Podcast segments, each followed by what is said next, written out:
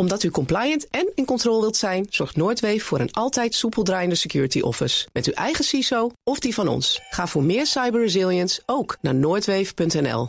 Procent. Studio Den Haag. Het is dag 2 van de algemene politieke beschouwingen. De laatste van demissionair premier Mark Rutte. En omdat Rutte vertrekt, is het veel interessanter om te kijken wat er gebeurt in de bankjes van de Tweede Kamer. Want de miljoenennota gaat voor miljarden op de schop. Politiek verslaggever Mats Akkerman die volgt dit debat. Hey Mats, goedemiddag. Hey, goedemiddag. Ja, is het een beetje een leuk eh, debat wat jij volgt Ehm, vandaag? Ja. Het is heel interessant, maar in het debat zelf valt eigenlijk nog best wel mee. Eh, eh, misschien een beetje tam zelfs, een beetje herhaling van zetten van gisteren. Maar wat er ondertussen in de zaal allemaal aan geroezemoes gebeurt, dat maakt het allemaal heel erg interessant. Oké, want, want hoe ver zijn we in het debat?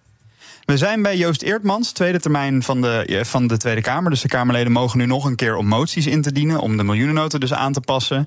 Eh, Joost Eertmans van Ja21. Hij is de dertiende volgens mij van de 18 in totaal. Maar dit gaat wel een stuk sneller dan gisteren. Ze zijn nu steeds maar een paar minuutjes aan het woord. Dus we naderen het einde eigenlijk al opvallend snel. Ja, het is ook de laatste keer waarschijnlijk voor eh, Rutte, Mark Rutte. Ja, geeft dat nog iets van een cachet aan die dag? Of maakt het een beetje een andere dag dan anders? Ja, dat zou je denken, maar dat vindt hij zelf in ieder geval niet. Want ik sprak hem kort toen hij de zaal in moest lopen vanochtend. Ik vind het altijd mooi om te doen. Altijd mooi om te doen. Is het nou nog extra bijzonder vandaag? Of denkt u gewoon een dag... Aan het werk, gewoon aan het werk, maar altijd bijzonder. Ja, nou, zoals we hem kennen, hè? gewoon Ja. aan het werk. Eh, gewoon door, altijd bijzonder.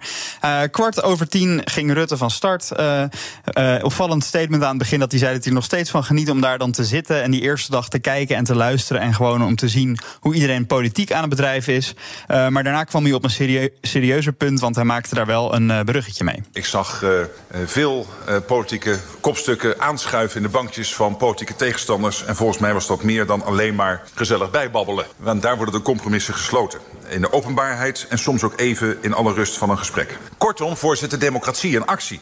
Eh, en dan lijkt het misschien een reuzensprong. eh, maar er was nog een gedachte die mij gisteren bekroop. Namelijk, dit is dus waar de oorlog in Oekraïne over gaat. Over het recht van vrije mensen om in een soeverein land over hun toekomst te mogen beslissen. En dat te doen in een democratisch proces. Zoals wij dat hier sinds jaar en dag gewoon zijn. Ja, dus had het snel over de oorlog in Ja. Oekraïne. Maar het ging, het ging snel. Daarna ging het alle kanten op. En eigenlijk alle onderwerpen kwamen aan bod. Maar Rutte was eh, om, om twee uur al klaar met zijn termijn. Dus dat was ook echt opvallend snel. En zoals gezegd, het kabinet is demissionair. Dus ja, die kunnen niet meer zoveel. De Kamer is aan zet. Merk je dat in het debat? Ja, je ziet dus de hele tijd door de Tweede Kamer eh, Kamerleden heen en weer lopen met moties om eigenlijk steun bij elkaar te sprokkelen voor hun plannen om de begroting aan te passen. Eh, dus de fractievoorzitters zijn aan het deba- debatteren en ondertussen zijn dan een beetje hun secondanten eh, met hun stapels papier aan het rondlopen. Want iedereen heeft allemaal wensen. Hè. We hebben ze gisteren al een beetje besproken. VVD wil accijnsverlaging, GroenLinks, PvdA, ChristenUnie willen minimumloon omhoog. Zo waren er allemaal wensen. En de- ja, het kabinet is demissionair, dus de Kamer bepaalt. En dus als je meerderheid voor je hebt, kan het ook lukken. Eh, Rutte zelf wilde eigenlijk niet van de begroting afwijken. Een voorbeeldje daarvan was, eh, toen ging het over het energieplafond. Sommige partijen zeiden, ja, dat stopt in 2024, moeten we dat niet doorzetten? Zoals DENK en GroenLinks Partij van de Arbeid. Nou, daar zei Rutte dit over. Op dit moment is er helemaal geen verwachting dat die energieprijzen die stijging gaan doormaken. Die verwachting is er niet. Dus ik heb er geen basis voor. Er is niemand internationaal die dat nu voorspelt. Ja, en zij zeiden, ja, wat als het wel gebeurt? Maar Rutte zei, ja, je kan niet voor elk eventueel scenario iets plannen. Er is een noodfonds en daar houden we het bij. Maar goed, het kabinet is demissionair. Oftewel, als de Kamer iets met een meerderheid wil aanpassen... dan kan het ook gebeuren. Het enige wat dan moet gebeuren is dat ze bereid moeten zijn elkaar te steunen. En dat lijkt tot nu toe vandaag ook echt op een aantal punten gelukt te zijn. Ja, want zoals verwacht gaat het VVD-voorstel om de benzineaccijns te verlagen, het halen. Eh, ja, hebben ze dan ook al bedacht hoe dat betaald gaat worden? Ja, zeker. Ja. Dus op 1 januari zou, het, eh, zou benzine een stuk duurder worden. Dat willen ze niet. En ze willen daarnaast 200 miljoen euro uittrekken om de energiebelasting ook te verlagen voor huishoudens. Steun van PVV, SP, ChristenUnie, BBB. Nou, een hele riedel, maar echt een ruime meerderheid. Ja. Maar inderdaad, Sophie Hermans van de VVD, waar moet de dekking vandaan komen? Uit de incidentele en structurele middelen op de, van de aanvullende post. Uitgezonderd sociale zaken, werkgelegenheid, volksgezondheid, welzijn en sport. Uit de meeropbrengsten in de aardgasbaten. En indien nodig resterende middelen te halen uit het Nationaal Groeifonds. En gaat over tot de orde van de dag. Deze motie is mede ondertekend door collega's Marijnissen, Bikker, Den Haan, Van Haga, Van Baarle. Ja, nou, je hoort het, een hele opzomming. Ongeveer de hele Tweede Kamer staat eronder. In totaal kostte dat zo'n 1,4 miljard. Maar je hoorde ook al zeggen, en eventueel uit het Nationale Groeifonds, als die andere dingen niet genoeg zijn. Nou, Jesse Klaver van GroenLinks en Partij van de Arbeid, ja, die denkt met die potjes die ze wil aanboren, kom je niet zo ver. Dus dan ga je sowieso in dat Nationale Groeifonds uh, zitten. Mm -hmm. En dan wordt het dus toch dat Nationale Graaifonds. En Klaver zegt, ja, wij waren niet voor dat fonds, maar nu het er is, moet je er ook niet geld uit blijven halen. Komt niet in mijn hoofd op om dat als dekking te gebruiken. Dit gaat over de toekomst van Nederland. En we hebben met elkaar bedacht, met een grote meerderheid. We moeten geld apart zetten, zodat politici daar niet in gaan graaien. En waar het mij brengt, voorzitter, tot slot, is dat ik denk: schaf het fonds dan maar helemaal af. Als dit gewoon een grabbelton wordt om iedere politieke beschouwing opnieuw een beetje geld uit te halen, schaf het dan maar af. Voeg het toe aan de algemene middelen, want ja, op deze manier heb je er niks aan. Ja, dus er is ook wel kritiek op die dekking. Ja, en, en uh, ook minister Adriaansens van Economische Zaken zal niet blij zijn dat er misschien geld uit haar groeifonds wordt gehaald. Nee, ja, VVD, haar eigen partij, wil ja. dit. Mickey Adriaans van Economische Zaken zat dinsdag nog bij ons op Prinsjesdag. Toen zei ze nog, maak er nou geen graaifonds van. Uh, maar goed, het gaat nu misschien toch gebeuren. En ja, ook andere partijen vrezen dat dat ten koste gaat van andere doelen waar dat fonds voor bedoeld is. Zoals uh, klimaat en onderwijs en kansengelijkheid. En daar wil Sophie Hermans later nog over in gesprek gaan uh, richting de algemene financiële beschouwingen. Dus dat wordt vervolgd. Maar niet alleen de kosten voor autorijden worden dan lager. maar de ChristenUnie heeft ook motie, een steun voor de motie om te investeren in het OV, het openbaar vervoer. Ja, dat is ook een motie met brede steun. Die zeggen regionaal OV kostenstijgingen daarin tegengaan en zorgen dat het beschikbaar blijft. En daarnaast ook de eenmalige prijsstijging van de NS-treinkaartjes tegenhouden. Dat kost eenmalig 120 miljoen. Uh, ook heel veel partijen hebben die motie mede ondertekend. Ik zal ze niet allemaal opnoemen. Maar ik vroeg haar even in de wandelgangen. Hoe heeft u nou al die steun bij elkaar gesprokkeld aan Mirjam Bikker van de ChristenUnie? Ik ben natuurlijk al eerder uh, gaan praten met meneer Klaver. Uh, dus we zijn we samen een plan gemaakt. Wat vinden wij echt nodig in deze tijd? Want de Kamer is niet demissionair. Uh, en vervolgens zijn we bij andere partijen gaan polsen van... joh, dit is ons plan. Heb je zin om mee te doen? Nou, heel veel partijen zeggen dan over het doel natuurlijk... dat lijkt me een goed plan. dan moet je het ook nog eens worden waar je het geld vandaan had. Ja, want nu heeft u een meerderheid. Maar dit kost bij elkaar 420 miljoen, als ik het goed heb.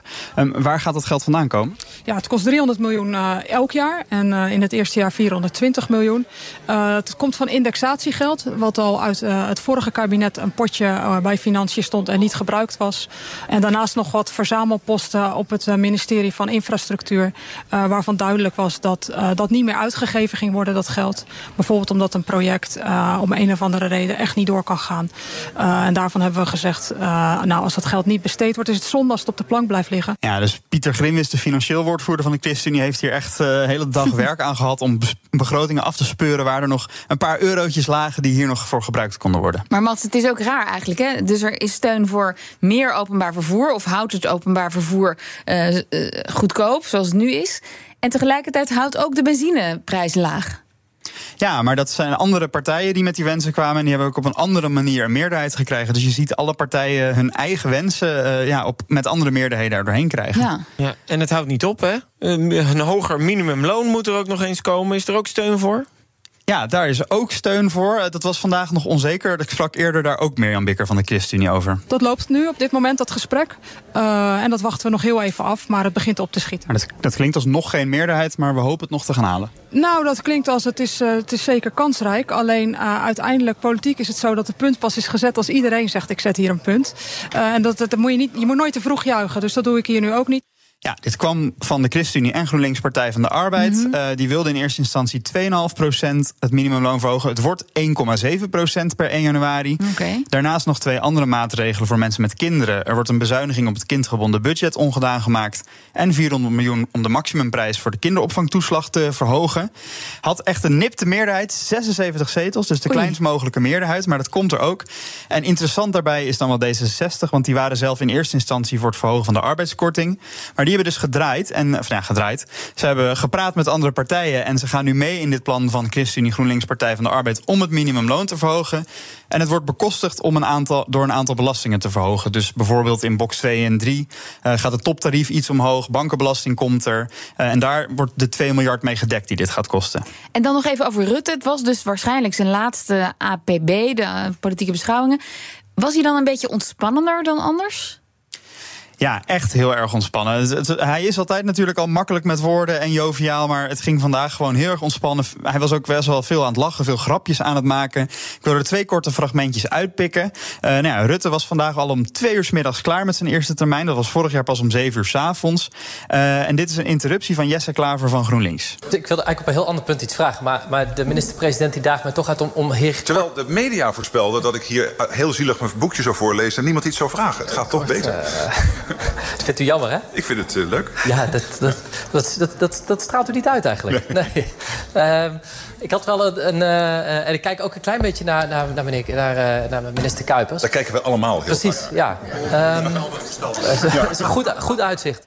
Ja, een heel ontspannen Rutte. Ja. En later nog een grappig momentje. Christoffer, de nieuwe SGP-leider, begon over dat die marginale druk zo hoog is. Nou, die zei, Rutte gaat dat niet meer kunnen oplossen... maar misschien kan uw opvolger daar nog wat aan doen. Maar ik ga ervan uit dat dit wel prominent dit overdrachtsdossier naar zijn opvolger komt. Dat als die er ook 13 jaar zit, dat het over 13 jaar wel echt gewoon helemaal opgelost is. dat mensen weer echt wat overhouden aan als ze een beetje meer gaan werken. Nee, nee bij Jessicus 5 zal dit opgelost zijn. Ik hoop eerder. uh, maar... Uh... Ja, Jessicus 5, uh, daar bedoelt hij dus zijn opvolger mee, Dylan Jessicus, de nieuwe leider van de VVD. Dus ja, heel veel grappen aan de kant van Mark Rutte. En uh, hij moet zo meteen nog even beoordelen of hij voor of tegen de moties is die zijn ingediend. Uh, en dan zitten waarschijnlijk zijn laatste algemene politieke beschouwingen erop. En jij was erbij. Dankjewel, politiek verslaggever Mats Zakkerman. Omdat uw mensen steeds vaker doelwit zijn van cybercriminelen, helpt Noordweef hen om zelfs de nieuwste aanvalstrucs te doorzien. Ga voor meer cyberresilience ook naar noordweef.nl.